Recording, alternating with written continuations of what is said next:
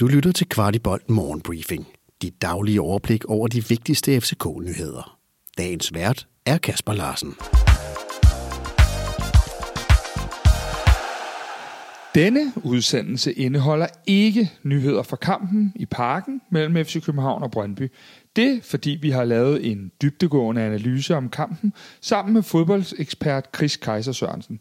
Du finder et link til udsendelsen i shownoterne, så vi håber, du vil gå ind og give den et lyt.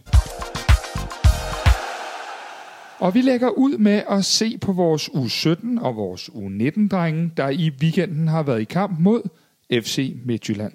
Vores U17-hold vandt overlegen med 0-4 og fører deres liga foran OB og Brøndby, selvom vi er to kampe bagud i forhold til de to modstandere. Vores U19-hold førte 1-3, men måtte i de sidste minutter af kampen indkassere to mål, og derfor endte kampen 3-3. Vores målscorer var Odi på straffe, William Maratti og Oscar Højlund. U19-holdet fører stadig deres række komfortabelt, og meget skal gå galt, før de ikke kan kalde sig danske mester, og dermed vil de på den måde være deltagere i efterårets Champions Youth League. Men Oscar Højlund var ikke den eneste Højlund, der kom på måltavlen i denne weekend. Søndag blev storebror Rasmus matchvinder imod Rapid Wien, og hans klub Sturm Graz er meget tæt på at skulle spille kvalifikation til Champions League efter sommerferien i det, der ligner en sølvsæson for holdet. Dette var imponerende nok Rasmus Højlunds 6. mål i ni kampe, og til med har han også eh, en enkelt assist med i bagagen. Ganske imponerende af vores tidligere FCK-stjerne. Og vi bliver i ungdoms rækkerne her i FC København. FC København og FCK Talent har i denne weekend underskrevet en kontrakt med det færøske supertalent Thomas Bjørn.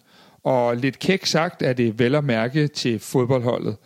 16-årige Bjørn har skrevet under på en treårig aftale fra sommeren 2022 og kommer fra BK Torshavn oppe fra Færøerne. Mikkel Køler fra FC København Talent udtaler til FCK.dk, Thomas er en spiller med gode fysiske forudsætninger for at blive en topspiller. Kvartibold byder naturligvis Thomas Bjørn velkommen og glæder os til at have følge hans udvikling i de kommende år. Og vi slutter af med nyheden om, at Federico Santander ser ud til at forlade Bologna. Vores tidligere angriber har skiftet agent og sat sig på et sommerskifte.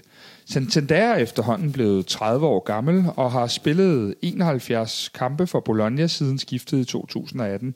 Og hvor han scorede 48 mål for København i 112 kampe, er det blot blevet til 10 mål i tiden i Italien, der har været yderst skadespladet. Du har lyttet til Kvartibolt Morgenbriefing. Vi er tilbage igen i morgen tidlig med byens bedste overblik over FCK-nyheder. Vi er meget interesserede i at vide, hvad du synes om vores morgenbriefing, og hvad vi kan gøre for at gøre den endnu bedre. Brug et par minutter på at give os feedback. Der ligger et link i shownoterne til et spørgeskema. Den her udsendelse kan kun blive til, fordi en del af vores lyttere støtter os med et lille måligt beløb. Vil du også støtte Kvartibold, så vi kan lave endnu mere kvalitetsindhold om FC København, så ligger der et link i shownoterne.